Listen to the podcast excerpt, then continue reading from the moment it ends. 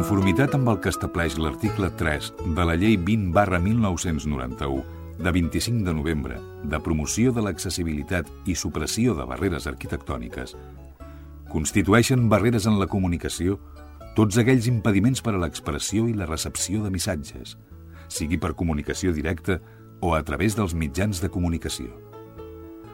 És per això que, emparant-nos en aquesta llei, volem que cada ciutadà gaudeixi del seu propi espai per moure's.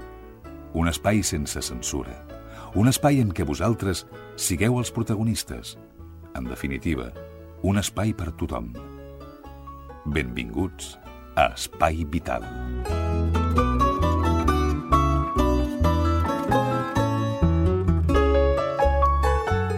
Salutacions cordials, què tal, com estan? Benvinguts una setmana més a un programa més. Recordin l'Espai Vital, un programa que està produït per cinc emissores municipals del Vallès Occidental, Cerdanyola, Ripollet, Montcada, Barberà i Santa Perpètua de la Moguda.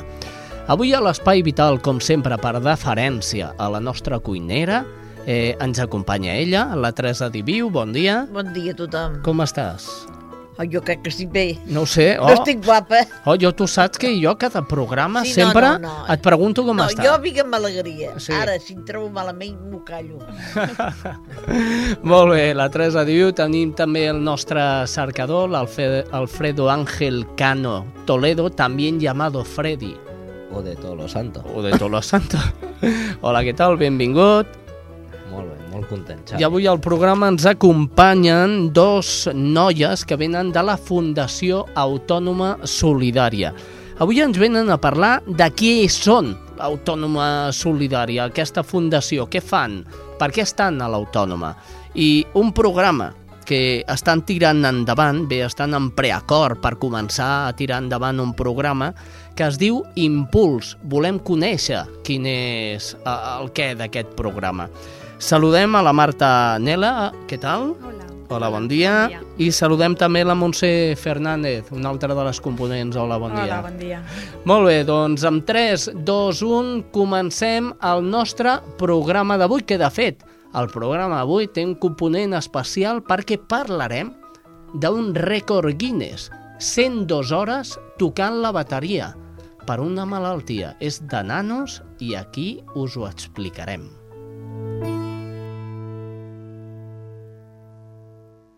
Estàs escoltant Espai Vital.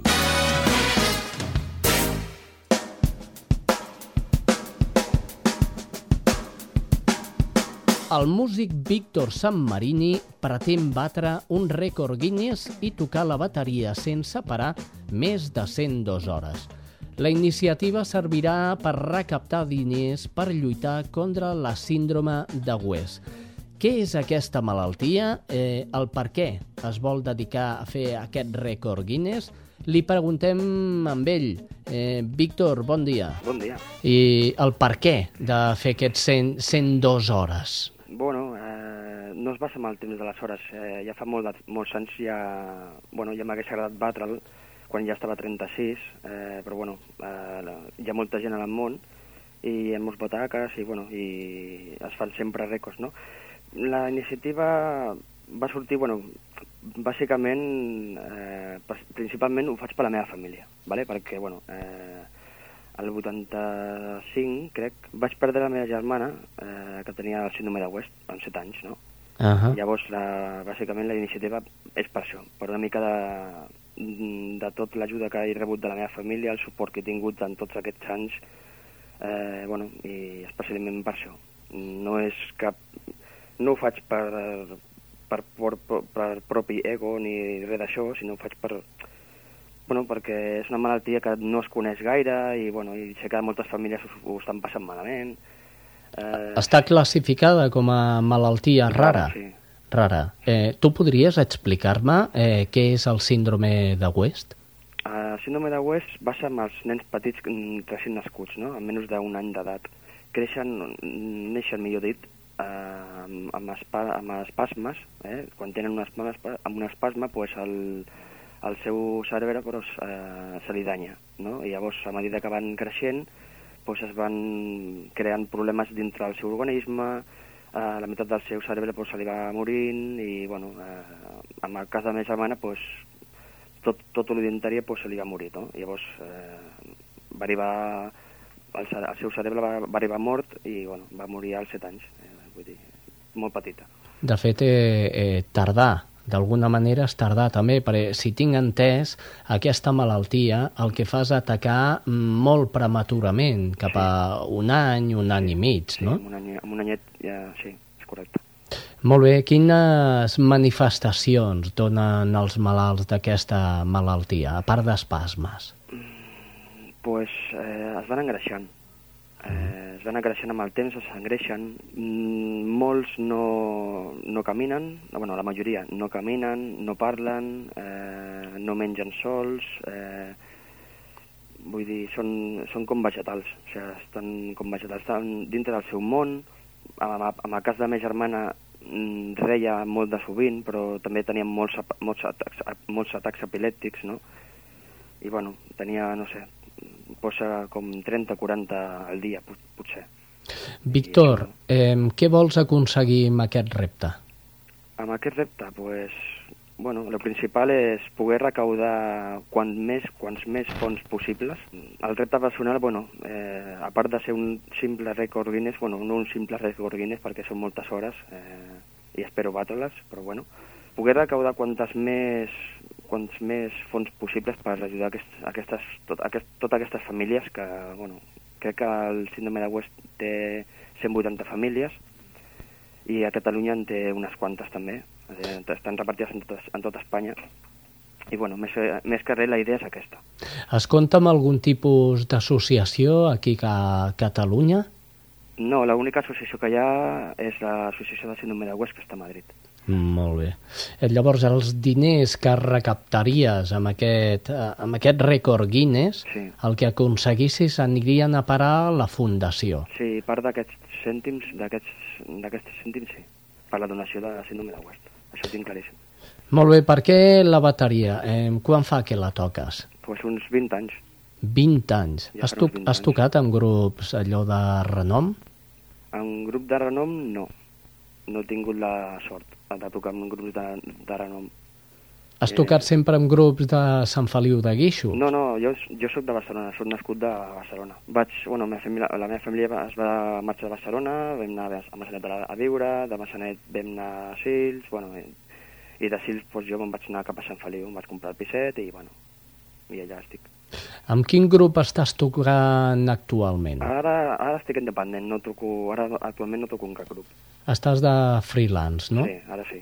Molt bé. Eh, tocava, he tocat amb diversos, amb bastants, però ara, ara de moment no toco amb ningú. És, és, és més, més que res ho faig partint del meu temps per, fer, per poder fer això i dedicar-me al 100% amb això. Molt bé, doncs, Víctor, eh, que tinguis moltíssima sort, que el proper 1, dia 1 de- d'abril, que és quan portaràs a terme aquest repte, eh, surti bé, s'aconsegueixin forces calés i que puguis ajudar tots els malalts que, que tenen el mateix síndrome que tenia la teva germana. Recordeu, el síndrome de West. Gràcies i molt bon dia. Molt bon dia. Això és Espai Vital. I des de la pro- coproducció de les cinc emissores municipals us saludem a cada un des de la demarcació d'on es trobi. Eh? Ja sabeu que eh, depèn quina emissora us està passant el programa. Avui és dimecres o a lo millor avui és dissabte. No sé, com, com cada emissora ens emet quan vol i a nosaltres ja ens ja està bé, doncs ja està. Mentre sigui espai vital, això, això és important, eh? que no canvien la gent, que no canvien de dial i aprenguin a poc a poc cosetes que ens van explicant, com la Marta Nelia, Nelia, sempre eh, em Neila, costa, sempre Neila. estava Neila, Neila, Neila, Neila. Molt bé, i la xica esta, la Fernández, no? Superfàcil. La Fer... Sí. no, no ho sé, no ho sé. És que no n'hi ha de Fernández. No n'hi ha Eh, gaires, Costa. no. Montse Fernández i Marta Nel... Neila. Neila. Neila. Són de la FAS, la Fundació Autònoma Solidària, i ens venen a parlar de què fan, qui són l'Autònoma Solidària. Eh, I el programa, un programa que estan a punt de- d'endegar, si, si no l'han endegat ja. Ho, ho preguntarem. Primer de tot, sapiguem qui són l'Autònoma Solidària, la Fundació. Eh, qui em contestarà? Mm, Jo, jo et puc explicar una miqueta. Eh, Eh, la Fundació Autònoma Solidària eh, va ser creada ara ja fa 10 anys Sí. a, a la Universitat Autònoma i l'objectiu va ser una miqueta canalitzar tot el que és eh, política social no? a través de la, que fa la universitat. Van crear aquesta fundació per, perquè bueno, a través d'ella es canalitzés tot el que és eh, els, els projectes de cooperació al desenvolupament, tot un moviment de promoció del voluntariat de la comunitat universitària i també el servei d'atenció a la discapacitat, que és el que on s'emmarca no, aquest programa Impuls. Uh, això, des de fa 10 anys estem treballant en tots aquests temes i mica en mica hem anat avançant i consolidant les, les línies de treball i en el cas del servei d'atenció a la discapacitat, doncs, eh, bueno, el seu origen va ser una miqueta, així com de la Fundació, tot el tema de, de la prestació social substitutòria, no? a través de, del treball voluntari de la comunitat. No? I dues de les iniciatives que es van originar va ser tot el que és eh, treball voluntari d'atenció a la discapacitat, d'estudiants que feien una mica tot aquest suport a, a companys no? que tenien discapacitat, i en temes d'àmbit penitenciari. I a poc a poc bueno, la universitat ha anat evolucionant, la fundació també, i actualment són aquestes les nostres àrees de treball. Quants anys porteu funcionant? Mm, La, la fundació són 10 anys. 10 anys. 10 el servei d'atenció a la discapacitat, com que va tenir aquest origen una mica previ, no?, en tot aquest àmbit del voluntariat, sí que ja deu anar per als 14, 14. anys aproximadament que s'està treballant. Home, doncs, Des del 14 anys. 14 anys. 14, 14.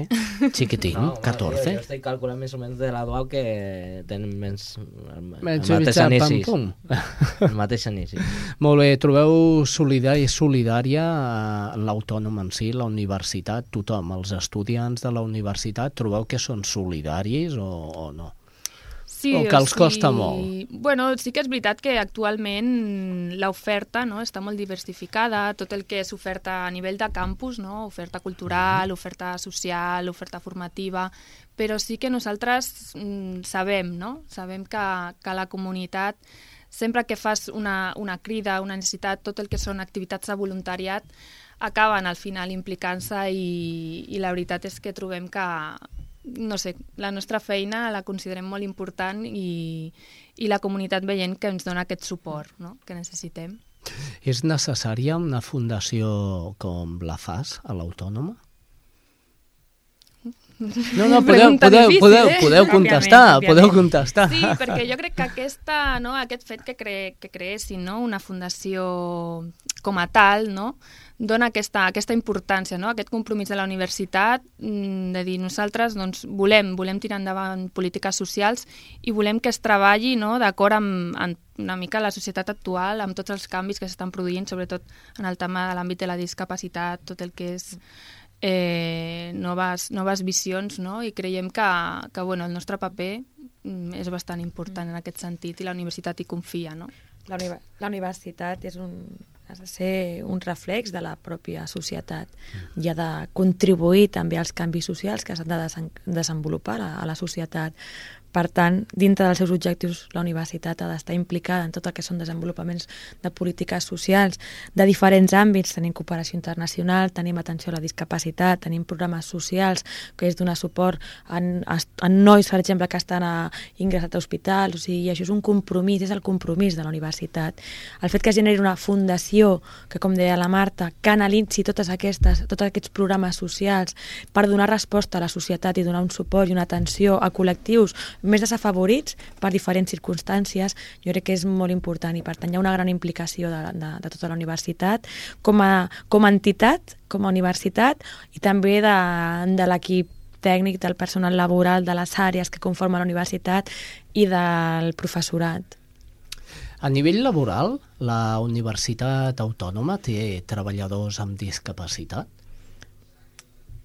Això poder hauries de consultar a, la, a, la, a recursos humans de la universitat, però sí. Home, actual- deu ser, hi, ha, clar, hi, ha, hi eh, ha personal contractat amb discapacitat. Bé, doncs mira, ja és un punt més. Eh, anem a parlar dels projectes que teniu endegats o a punt d'endegar. Em sembla que és Impuls, aquest últim projecte, no?, que esteu a punt. Sí, el, el programa Impuls bueno, és una mica un projecte com a part no? de lo que és el, el Servei d'Atenció a la Discapacitat. El, el Servei d'Atenció a la Discapacitat té una sèrie d'accions, de, de línies de treball no? que, continu, que desenvolupa de manera continuada i el programa Impuls és una mica un projecte concret no? que arrel d'aquest treball de tots aquests anys doncs, ha, sur ha sorgit no? com, a, com a iniciativa i per, per cobrir unes necessitats que s'han anat detectant. No? És a dir que, bé, no? Que L'impuls, eh, és un És venga un va, impuls. és un venga va, no? Sí, sí, és donar Sí. impuls. és- Donar impuls, el nom ja sorgeix com, com, Com seu explicatiu, nom, no? Com a Ja. explicatiu és donar Sí. impuls a un col·lectiu d'estudiants que tenen situació de dependència perquè puguin fer els seus estudis universitaris i que puguin després, bueno, com a professionals de diferents sectors, formats per la universitat, insertar-se en el món laboral. És que hi ha molta gent que, fins i tot, eh, jo ho he sentit, però és així, hi ha molta gent que diu, home, una persona que té un grau de discapacitat altíssim, que no li funcionen les mans, no li van als, als peus, eh, està tremolant tot el dia. Eh, aquest tio, vols dir que pot treballar? Doncs sí, pot treballar. S'han de Ja. valorar les capacitats. Ahà, les capacitats de, de la De feina cada i de cada persona que el que ha de ser. Doncs sí senyor, sí poden treballar. Ara amb els ordenadors es van totes les coses més ràpides. Mm -hmm. Sí, és una part un de les projecte. més És importants això, que sí. tenim, el tema de potenciar l'ús de les noves tecnologies no? Mhm. en, en l'accés a la El que passa informació. que de, la gent s'ha de conscienciar ser més humanitària. Mm. Això també s'ha de posar a la universitat, Mm. Això, humanitat. Humanitat. No n'hi ha gaire. Ah, doncs hem de crear una altra fundació. Com ho Sí veu, que es treballa, eh? A nivell, No. a nivell sensibilització s'intenta treballar en el jovent, sensibilitzar jo la comunitat universitària, els estudiants, el I la professorat. canelleta petita veig que També. comença ja sent Sí. més humana que abans. Sí, serà, és un treball. Se'm paren i em pregunta què m'ha passat, si em trobo bé, cosa que la gent gran ja no t'ho pregunta. No diuen res. No, passen de tu ja la... Ara, el que li convé em para. Que, Tres, la... tres a la universitat eh, jo crec que se fa una feina molt important perquè jo està ja No, ja ho sé temps. que sí, ja, meves filles també... i sóc conscient del treball que realitza la FAS en col·laboració també amb la DUAP de sensibilitzar la gent dels problemes que hi ha. No, si jo et dic la gent gran, que no ho és, són el jovent que és més de conscienciar. T'he patit vosaltres sí, perquè... per això quan, ser, quan siguin gran, quan siguin grans ja no hi haurà cap problema Clar. Teresa. el No, canvi- jo, jo veig, hi ha jovent que diuen, ai, que el jovent que... Dic, però si són més bons els jovent que els grans. Sí, realment això es veu a la comunitat universitària, o sigui, es veu el que parlàvem abans, no? el grau d'implicació i moltes vegades el compromís no? que adquireixen doncs, això en, en programes al pioner al Servei d'Atenció a la Discapacitat també hi ha un, un punt de, que es continua confiant en el voluntariat com a, com a, Com a motor de la sensibilització, bàsicament. La tasca del voluntari dintre del servei és ser el motor de la transferència, del coneixement, del que significa a la resta de companys, perquè són ells, com a companys dintre de l'aula, com a companys, com a membres de la comunitat, qui fan la capacitat, la, que- qui fan la sensibilització d'una manera més normalitzada i més tranquil·la. La idea no és fer grans campanyes, perquè no cal, sinó és el dia a dia, aquesta petita llavor, aquesta esquerda d'aigua que vagi calant, que vagi calant, i que tothom tracti a tothom independentment de la seva diversitat, de la seva capacitat de funcionalitat que tenen en un moment determinat, perquè tothom en, certa mida som discapacitats, realment. Per tant, és transferir aquesta, aquesta manera de veure les persones com a capacitats, com a persones, i no com una característica que forma part de la seva vida, que és una, bueno, un problema de mobilitat, un problema d'orientació per mancar visual, i enfatitzar sobretot les parts, la part positiva. Doncs molt bé, hem arribat a un punt. Núria Montse, gràcies a les dos. Elles són components de la Fundació Autònoma Solidària. Ens han presentat qui és la Fundació Autònoma Solidària, ens han comentat el tema Impuls. Estem intentant convèncer-les perquè també actuïn amb Espai Vital a la roda informativa que cada setmana us fem aquí a l'Espai Vital. Gràcies a les dues mm -hmm. i quedeu-vos amb nosaltres, així escoltarem a veure què passa a Cerdanyola, a Montcada, ja, ja veureu si sí, maco, i aquí podia haver des de l'Autònoma.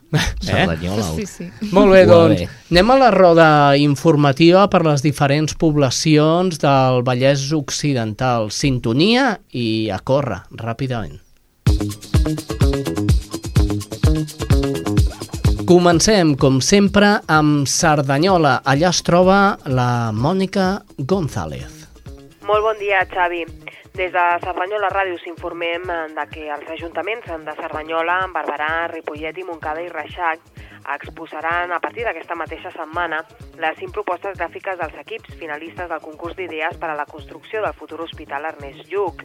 Els alcaldes dels quatre municipis implicats en aquesta construcció, Antoni Morral de Cerdanyola, Ana del Frago de Barberà, Juan Parralejo de Ripollet i César Arrizabalaga de Montcada i Reixac, presentaven la setmana passada el desenvolupament gràfic dels cinc projectes finalistes, tot destacant, els quatre alcaldes, la gran qualitat dels mateixos. Segons indicava l'alcalde de Cerdanyola, Antoni Morral, el concurs ha estat molt renyit i participatiu. Les propostes són d'una gran qualitat i s'adapten perfectament al pla funcional de l'hospital. El passat 13 de març es procedia a l'obertura de les pliques. Aquest tràmit es va realitzar a l'Ajuntament de Cerdanyola davant el jurat que haurà de seleccionar l'equip guanyador que desenvoluparà el projecte executiu de l'hospital. El projecte guanyador es donarà a conèixer en un termini aproximat de dos mesos, complint així el calendari prèviament establert. Els alcaldes assenyalaven que l'hospital és cada cop més una realitat i destaquen els últims avenços aconseguits. L'Institut Metropolità de Promoció del Sol, l'IMSOL, adquiria la setmana passada els terrenys en Darradossa, on s'han instal·lat l'hospital i que fins ara eren de propietat privada. Aquests terrenys s'hauran de cedir posteriorment a la Generalitat per tal de poder encarregar la redacció del projecte executiu. Abans, però, s'haurà d'enderrocar l'antiga fàbrica Radosa. Antoni Morral espera que aquesta sessió es pugui fer també en un termini de dos mesos abans de l'estiu. Els cinc equips finalistes del concurs d'idees han hagut de dimensionar en aquesta segona fase el seu projecte inicial a les bases del concurs especificant gràficament l'aprofitament de la superfície dels espais útils del futur edifici sanitari, la volumètrica i la funcionalitat hospitalària, la inclusió en l'entorn paisatgístic i la construcció de l'hospital amb criteris d'estalvi i eficiència energètica, entre d'altres. Els cinc projectes s'han presentat amb cinc lemes en diferents. Salut pública, seqüència, ell, llum, paisatge salut i plaça lineal. Totes aquestes propostes, segons l'alcaldessa de Barberà, Ana del Frago, van més enllà de l'edifici de la infraestructura i són d'una gran qualitat.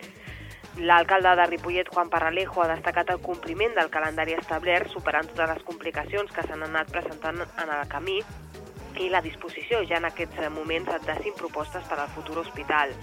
Pel que fa a l'alcalde de Montcada, César, Arrizabalaga, explicava que un cop les propostes ja estan presentades, ara una de les màximes preocupacions dels alcaldes és la carretera, que la carretera de Barcelona sigui considerada una via de trama urbana i s'elimini d'una vegada per totes el concepte nacional.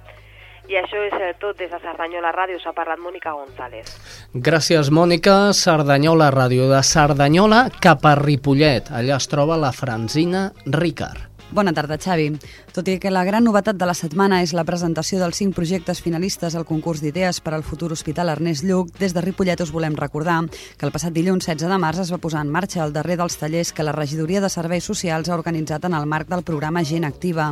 Més d'un centenar de persones grans del municipi estan realitzant algun dels tallers de memòria, country o iniciació a internet que es desenvolupen al Casal d'Avis i al Centre Cívic Can Mas. Pel que fa als tallers de memòria, actualment s'estan impartint tres simultanis amb 61 persones inscrites. Al taller de country que realitza el Casal d'Avis s'han apuntat un total de 43 persones. Com que el grup és de 25 alumnes, 18 han quedat en llista d'espera. Per últim, pel que fa al taller d'iniciació a internet, s'han hagut d'organitzar dos grups en lloc d'un, donat que es van inscriure un total de 15 persones. A banda d'aquests tallers i també dins el programa Gent Activa, al Centre Cultural es portaran a terme sessions mensuals de cinema. La primera, amb la pel·lícula La vida és vella, serà el proper 27 de març a les 6 de la tarda. I això és tot des de Ripollet. Molt bona tarda. Bona tarda, Francina. Anem cap a Barberà. Allà es troba la Núria Cabrera i aquesta és la crònica que ens passa de la setmana. Hola Xavi i hola també a tots els oients de l'Espai Vital. El text de Sergi Belbel, avui us expliquem des de Barberà, després de la pluja, arriba a la nostra ciutat per recaptar fons contra el càncer. Serà doncs, la companyia 5 més 1, grup de teatre amateur amb gent de Barberà del Vallès i també de Sabadell, que visitaran l'Auditori Maria Feliu per oferir aquesta obra de Sergi Belbel. Es tracta d'un muntatge teatral que es va estrenar l'any passat a la ciutat veïna de Sabadell i que va tenir una gran acollida per part del públic. Després de la pluja explica la història de diversos oficinistes que es reuneixen en el més alt d'un edifici de 49 plantes per absorbir nicotina en secret, un plaer prohibit per l'estricte reglament de l'empresa. També podem parlar-vos sobre que en aquest context les secretaries, el missatger i els directors de la companyia s'amaguen, troben i aparellen una forma relaxada, però alhora incontrolable, angoixant i divertida. Homes i dones que confessen pors, escupen odis i alliberen els seus maldecaps amb la mateixa lleugeresa que es desprèn del fum de les seves cigarretes. L'entrada costarà 10 euros i servirà per recollir fons per dues associacions que treballen i lluiten contra el càncer. D'una banda, l'Associació Espanyola contra el Càncer, a la seva seu de Barberà del Vallès, i d'una altra banda, l'Associació de Dones amb Càncer, al FAR. Des de Barberà és tot. Gràcies, Núria Cabrera. Anem a Montcada. Si no m'equivoco, és Sílvia Alquézar, avui la que ens passa la crònica. Hola, salutacions des de Montcada a l'Espai Vital. Avui toca parlar de menjar sa. Els tècnics de la Regidoria de Salut Pública i Consum estan visitant establiments de restauració de Montcada per acreditar-los com a difusors de la dieta mediterrània. L'Ajuntament s'ha afegit d'aquesta forma a una campanya de la Generalitat per fomentar aquest tipus d'alimentació que s'ha incorporat al programa municipal PAS de promoció de la salut a través de l'activitat física i la dieta saludable. Amb l'acreditació, els bars bars i restaurants gaudiran d'avantatges com la difusió del seu negoci i les seves especialitats culinàries en mitjans i guies de restauració. Per obtenir-la, els establiments hauran d'acreditar que reuneixen les condicions d'higiene necessàries, mantenir l'oferta d'alimentació mediterrània dins dels preus en la línia dels habituals de l'establiment i assistir a una sessió informativa prèvia a l'obtenció de l'acreditació. La regidora de Salut Pública i Consum de l'Ajuntament de Montcada, Mari Carmen González, ha afirmat que el sector de la restauració és cada vegada més important en el model d'alimentació actual i per això cal engegar campanyes que fomentin els bons hàbits alimenticis. Segons dades de la Generalitat, un 37% de la població adulta de Catalunya utilitza entre 3 i més cops per setmana serveis de restauració. I fins aquí la informació, fins la setmana vinent. Gràcies, Sílvia Alquézar. Em sembla que és la primera vegada que ens passes la crònica. Benvinguda a Espai Vital. Anem cap a Santa Perpètua de la Moguda. Allà es troba l'estrella Núñez. Hola, Xavi. Hola, amics i amigues de l'Espai Vital. Ja fa un temps que us anem explicant les activitats de l'entitat Espiral, una associació de famílies d'infants amb trastorn general del desenvolupament i espectre autista que engloba famílies del Vallès i el president de la qual, David Vargas, és veí de Santa Perpètua. El passat febrer us vam comentar que Espiral encetava un curs adreçat a persones que treballen en l'àmbit educatiu, social i de lleure interessats en el món de la discapacitat psíquica en infants i adolescents. Aquella va ser la primera edició i es va dur a terme a Sabadell. També, també es va fer un curs a castellà i ara s'està realitzant ja la quarta edició del curs, en aquest cas per primer cop a Santa Perpètua. L'objectiu del curs és dotar d'eines al màxim nombre de persones per fer possible la inclusió dels infants amb discapacitat capacitat als serveis educatius i de lleure del seu entorn. Com a segon objectiu, el curs servirà per crear una borsa de persones de suport, educadors, monitors amb una formació que faci possible l'atenció i la inclusió dels infants amb trastorn general de desenvolupament i espectre autista i altres discapacitats des dels diversos recursos comunitaris i els diferents municipis i entorns de proximitat. El curs es realitza en quatre jornades, dissabtes a la tarda. El preu del curs, subvencionat per l'obra social La Caixa i amb el suport de l'Ajuntament de Santa Perpètua, és de 30 euros. El curs l'imparteix una psicòloga especialista en aquests trastorns, Carme Fernández, que també és membre de l'entitat.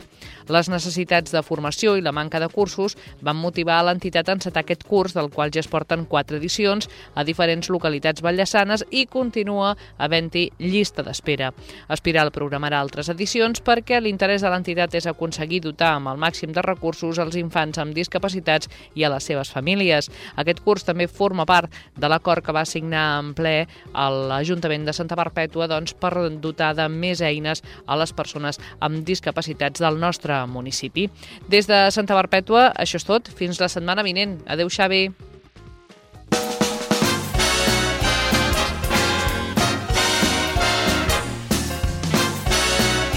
Espai Vital, el primer programa adaptat de les zones.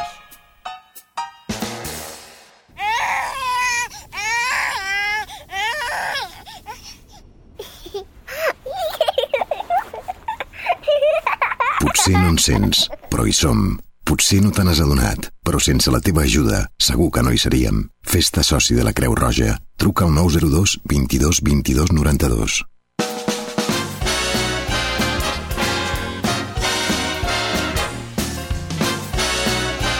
Espai Vital, el primer programa adaptat de les zones.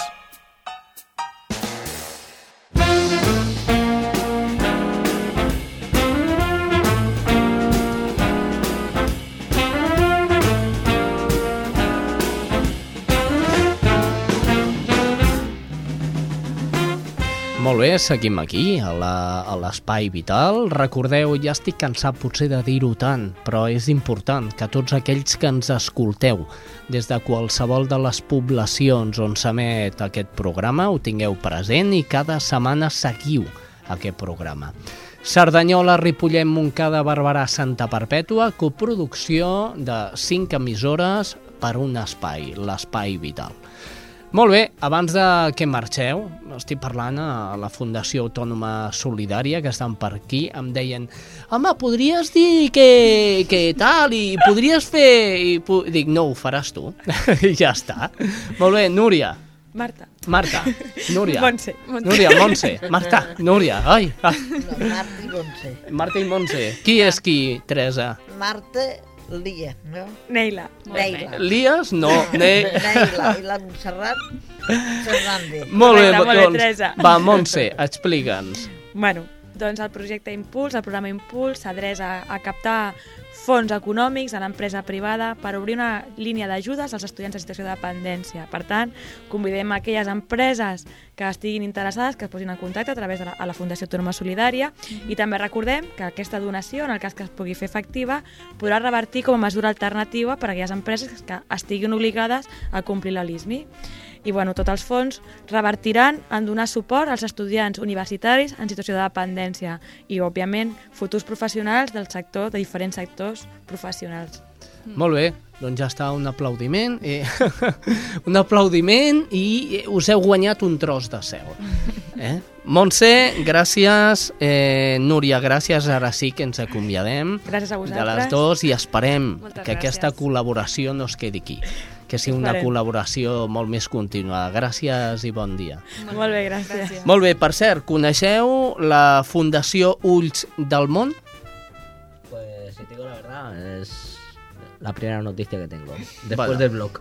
Pues estate atento, estate atento perquè ara tenim l'entrevista amb la mateixa Fundació Ulls del Món. I passarà igual que amb la FAS, que ens explicaran qui són i què fan. I això sempre és important.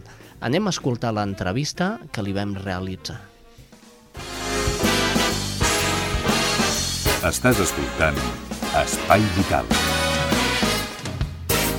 Avui a l'Espai Vital volem parlar, com cada setmana, d'una de les associacions que ens ha sorprès i molt. En aquest cas parlem de la Fundació Ulls del Món. Eh, diferència entre associació i fundació. Fundació pot recaptar calés, associació no pot. En aquest temps de la recaptació per mirar de millorar tot allò pel qual està destinada la Fundació i és la directora de la Fundació Ulls del Món. Ella és Núria Ramon. Bon dia. Molt bon dia. Núria Ramon, eh, què és la Fundació Ulls del Món i a què es dedica? Doncs la Fundació Ulls del Món és una entitat sense fan de lucre, de lucre eh, que treballa per prevenir i combatre la ceguesa evitable, aquella ceguesa que es pot prevenir o curar i que d'alguna forma existeix perquè existeix la pobresa. Si són persones que són cegues, cegues perquè són pobres. Mm -hmm.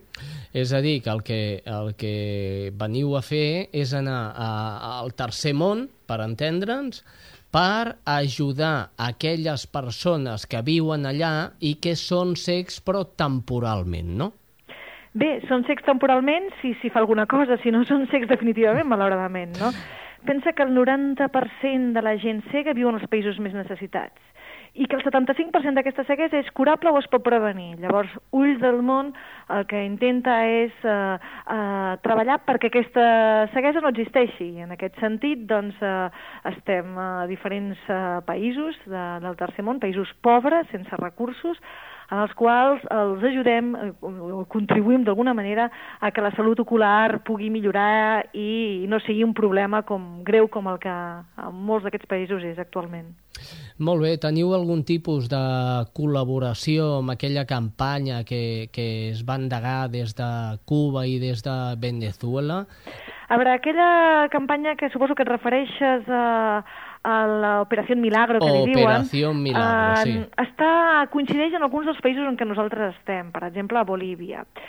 Però la veritat és que nosaltres en què sí que hi participem és amb l'Organització Mundial de la Salut, amb l'Agència Internacional de Prevenció de la Ceguesa, amb un programa o projecte que li diuen el 2020-2020, que significa que l'any 2020 eh, no hauria d'existir aquesta ceguesa que comentàvem abans, aquesta ceguesa que lligada, tan lligada a la pobresa no? i que es pot evitar.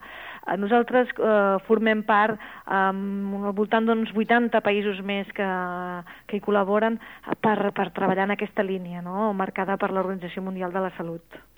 Molt bé, està eh, que ajudeu a la gent del tercer món, però i la gent que viu aquí? A veure, nosaltres, eh, com a Organització de Cooperació al Desenvolupament, treballem en països pobres, eh, on eh, la salut ocular pràcticament no existeix cap tipus d'atenció eh, pública per, per, per atendre aquestes persones. No? Afortunadament, aquí, en el nostre país, eh, eh, hi ha possibilitat de que la Seguretat Social eh, tracti a les persones que tenen problemes oculars. Doncs, eh, hi ha altres organitzacions que doncs, eh, eh, tractaran doncs, temes que possiblement donguin suport des, del punt de vista social aquí, en l'estat a Catalunya i a l'estat espanyol. No? Nosaltres, com et deia, som una organització eh, dedicada a la cooperació al desenvolupament i per això anem als països més més pobres on realment eh, ser sec encara és eh, una doble càrrega eh, per a aquestes persones pobres. No? Pensa que aquí, al nostre país, una persona cega, doncs evidentment que té els seus problemes i les seves dificultats, però que mm, som molt coneixedors tots segur que qualsevol de nosaltres de persones que són cegues i que poden treballar i que fins i tot són autosuficients. Una persona cega en els països on nosaltres treballem realment eh, té la vida molt, molt, molt difícil. Núria, és important la formació, a part de la col·laboració immediata amb la persona que està malalta, no? Per nosaltres la formació és la nostra aposta de futur. Nosaltres, eh, és veritat que enviem a metges oftalmòlegs que operen a persones cegues per catarates i que al cap de 24 hores ja han recuperat la visió i això és molt gratificant i és molt immediat. En poques hores una persona que no veia durant fa uns anys, o feia uns anys que no hi veia, recupera la visió. Això està molt bé, però per nosaltres el més important és que fer que això això d'atendre i curar els pacients ho facin el mateix personal local, és a dir, formar metges, oftalmòlegs, infermers, òptics, perquè siguin ells els que facin aquesta, aquest treball. No? Per això nosaltres diem que no ens conformem en anar a aquests països i, i curar, sinó que volem que siguin ells mateixos els que curin. I aquí la importància de, de la formació. Per què ulls del món i no sabates del món, per exemple, no? Home, ulls del món, perquè hi ha necessitats, evidentment es podrien ser moltes altres no, especialitats eh, del món de la salut o de l'alimentació, però Ulls del món neix eh, com eh, per conscient de la necessitat del que, del, que, del problema que hi ha no, no, en relació a la salut ocular, de les grans possibilitats que hi ha amb pocs recursos, o relativament pocs recursos, el, poc, el, el molt que es pot aconseguir, estem parlant no de crear grans infraestructures, sinó d'operar persones i de fer que persones siguin operades per persones formades per nosaltres, no? I eh, veure que realment doncs, eh, es pot ajudar molt amb recursos doncs, que, relatius. No? I evidentment que es necessita una gran logística, es necessiten mo, eh, molts voluntaris oftalmòlegs que hi contribueixin, instrumentistes, òptics, és, és, hi ha una logística important al darrere, però realment els resultats són impactants. De fet, parlant de resultats, quins són per tu els resultats obtinguts més importants per la Fundació? Podria dir-ne molts, eh, des de persones que recuperen la visió, mils de persones que han recuperat la visió gràcies a les nostres intervencions dels nostres oftalmòlegs voluntaris, com per exemple per mi una molt gratificant i que, en aquests moments doncs, s'està doncs, executant ja és que el doctor Javier Hatri, que era un metge saharaui, ha estat format durant quatre anys a la Clínica de l'Esperança, formació facilitada per, per Ulls del Món, i que ara està ja mm, treballant com a, com a oftalmòleg en els campaments saharauis, ens ha ajudat a implementar, o a, bueno, a fer l'estudi de camp d'un el treball de camp, millor dit, d'un estudi sobre patologies oculars al Sàhara, és a dir, que és ja eh, una realitat, allò que era un repte, un somni, quan es va decidir apostar per un metge per formar-lo com a oftalmòleg, doncs en aquests moments el Sàhara compta amb un oftalmòleg local eh, que d'alguna manera, doncs, Ulls del Món, amb la col·laboració doncs, de tots els nostres finançadors i donants, ha pogut tirar endavant, no? Parlant de finançadors i finançament, eh, quin tipus de relació, contacte pot tenir qualsevol persona que, que ens escolti, quin tipus de feina pot aportar també? A veure, quan parlem de voluntaris, eh, estem parlant bàsicament bàsicament d'oftalmòlegs, òptics instrumentistes. És cert que també tenim altres tipus de, de voluntaris, com poden ser del món de la comunicació, fotògrafs, de, de l'art, del món de l'art, etc etc. no? Però l'essència de, no, del voluntariat d'Ulls del Món, que contem amb més de 700 persones voluntàries, són bàsicament oftalmòlegs, instrumentistes i òptics, optometristes. No? Ara bé, qualsevol persona pot col·laborar amb Ulls del Món, eh, també fent-hi una aportació econòmica, no? o contribuint-hi de qualsevol altra manera, sempre i quan doncs, hi hagi un compromís de, de continuïtat. No? Uh -huh. I a on es poden posar en contacte amb vosaltres? Uh, quan deia compromís de continuïtat em refereixo al voluntariat, eh? Uh, evidentment qualsevol persona pot fer puntualment el moment que desitgi una aportació. Uh, per posar-se en contacte amb Ulls del Món uh, ho pot fer a través de la pàgina web, no? que és www.ullsdelmón.org o bé uh, a través del telèfon, el 93 451 5152 Mm, jo crec que qualsevol d'aquestes dues vies eh, nosaltres respondríem a les seves, a les seves demandes, no? I fins i tot si s'acosten a la seu d'Ulls del Món, no? Sí, també, evidentment, eh, però eh, aquí nosaltres estem a Tamarit, al carrer Tamarit 144, molt a propet del, del Mercat de Sant Antoni. Molt bé, 93 451 51 52 és el telèfon de la Fundació Ulls del Món. Si voleu col·laborar més intensament, podeu parlar amb mi mateix, sóc el Xavi Casas, eh? a la ràdio. Truqueu-nos a qualsevol de les ràdios i us posaran en contacte amb mi i jo us posaré en contacte amb la Fundació Ulls del Món.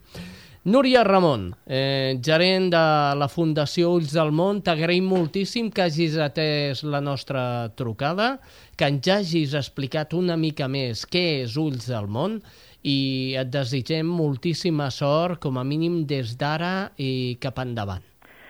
Doncs moltíssimes gràcies a vosaltres per l'oportunitat.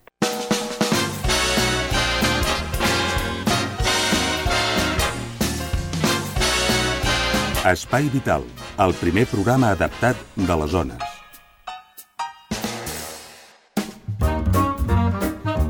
I per què no dir-ho, el millor, no?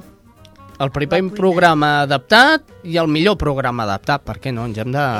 Ja hem de tirar floretes a sobre. Molt bé, sintonia cuina, sintonia de la Teresa Diviu, la cuina adaptada que avui ens porta...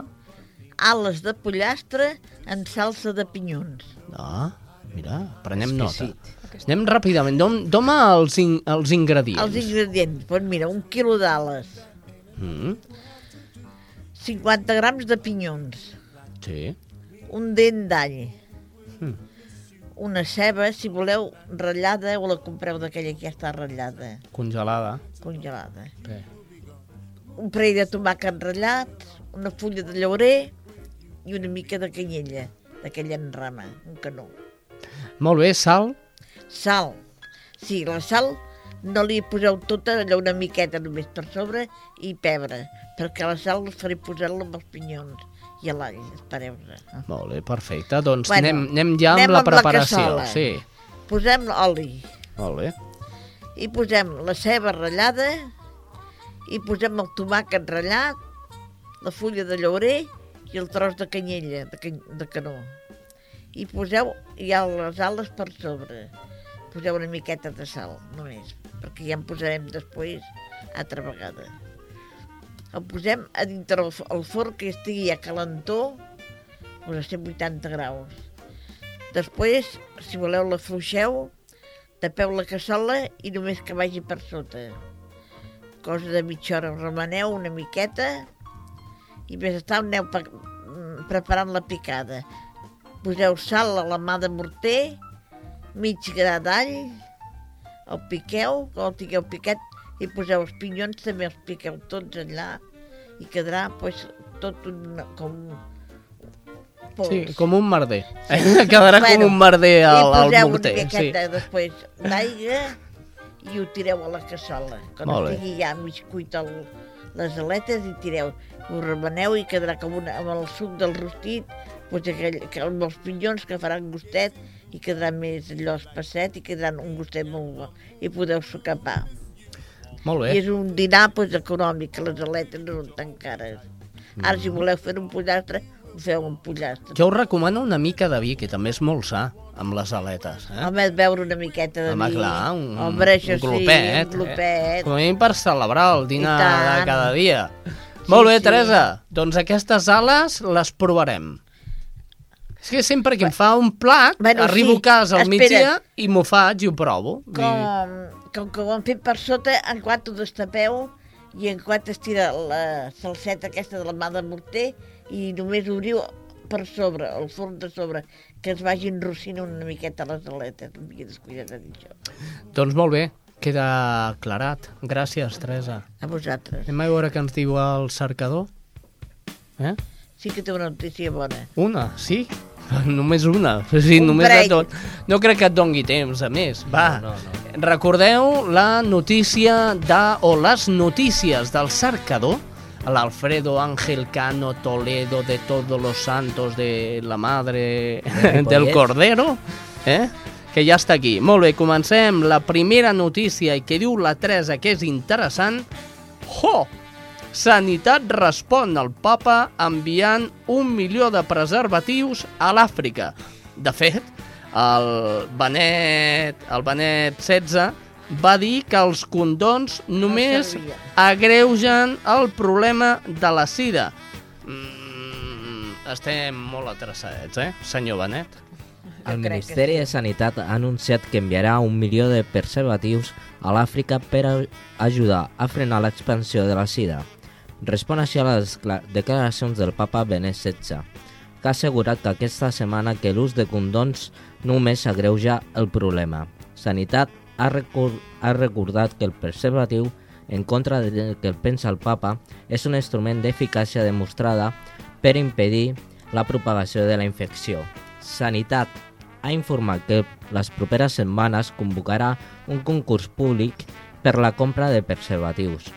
Després es distribuiran per l'Àfrica, segurament a través de les ONGs espanyoles amb presència als països més afectats, afectats en aquesta zona en aquestes zones. Ja Ala, ja està. Ja està, ja està. Ja Molt bé, doncs No aquí més acabem. temps. Senyors, ens acomiadem a tots. Gràcies per haver estat aquí al programa d'avui. Teresa, Chiquitín, companys de la FAS, gràcies al Jordi Puy, el nostre tècnic, i un servidor que els agraeix la seva escolta, Xavi Casas. La setmana que ve tornem amb moltes més coses. Us deixo amb Antònia Font. Apa, adeu-siau.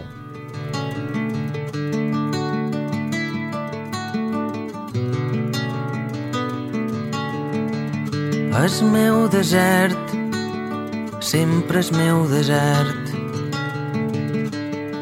ses flots són margelides.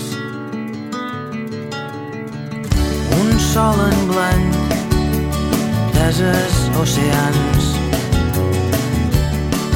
Ses algues són marines. Entem els ulls, imaginam fosta i silenci totals espai obert fins i tot el cel. Són platges infinites. Els aliments més primordials, falta i defecte brutals. Les coses no són fàcils per ningú de testigló tan descongelat tanta longitud tan ple de finals tan privat de tu.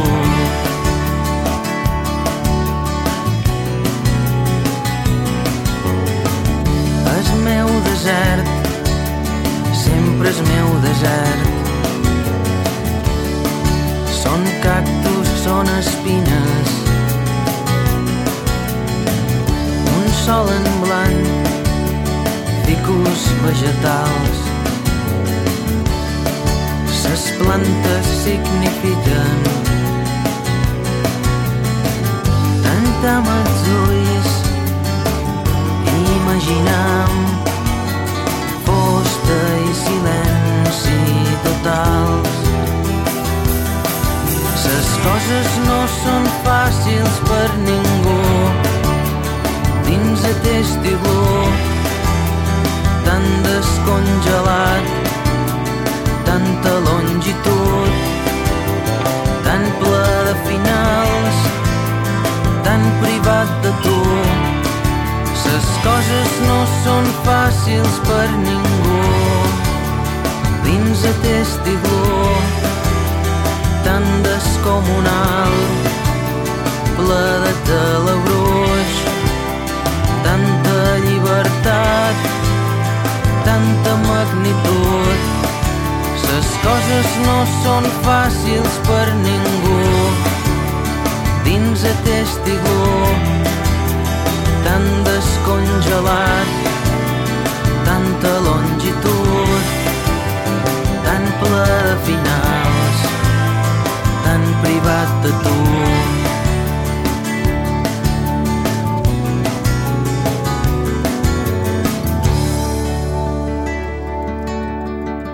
El meu desert sempre és meu desert